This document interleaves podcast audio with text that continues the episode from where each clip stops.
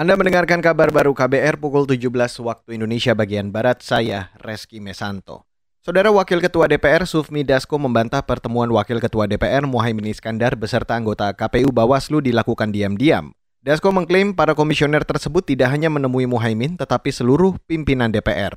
Dan kemudian sesungguhnya ini selesai, nanti kata Pak Jokowi, ya, kalau ngomong yang tegas. Ya.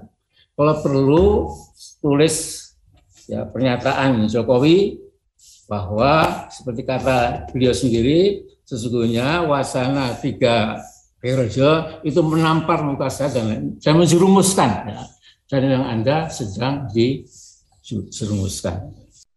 Wakil Ketua DPR Sufmi Dasko Ahmad meminta pertemuan tersebut tidak dijadikan polemik ikhwal penundaan pemilu 2024 yang diusulkan oleh Muhaimin baru-baru ini. Sebelumnya, pertemuan Muhaimin dengan anggota KPU dan Bawaslu terpilih periode 2022-2027 diketahui lewat unggahan foto di kaun Instagram Muhaimin Cakimino pada pekan lalu. Beralih ke berita selanjutnya, Saudara. Rencana pemindahan ibu kota negara atau IKN dari Jakarta ke Nusantara di Kalimantan Timur direspon para kepala daerah, salah satunya Gubernur Papua Barat Domingus Mandacan. Ia menilai pemindahan ibu kota negara membuat koordinasi daerah ke pusat lebih dekat.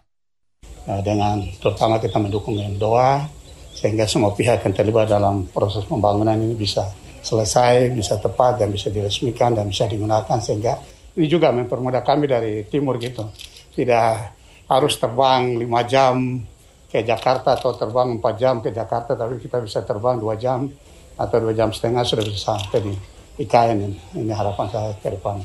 Gubernur Papua Domingus mengklaim kehadiran para kepala daerah menunjukkan dukungan kuat dari masyarakatnya, bukan hanya dari pemerintahan dan perangkatnya, namun secara luas dari bangsa Indonesia di seluruh wilayah. Selain Domingus, Gubernur DKI Jakarta Anies Baswedan dan Gubernur Ridwan Kamil juga mendukung pembangunan IKN. Saudara, indeks harga saham gabungan atau IHSG ditutup di level 6.952 pada sore ini, naik 29,60 poin atau 0,43 persen dibanding akhir pekan lalu.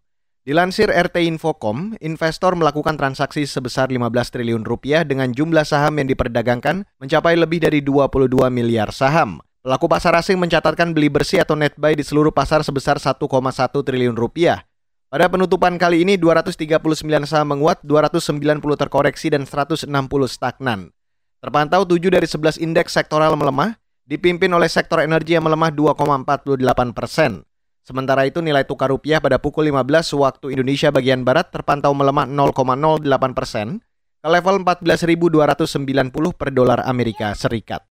Dan saudara, demikian kabar baru saya Reski Mesanto.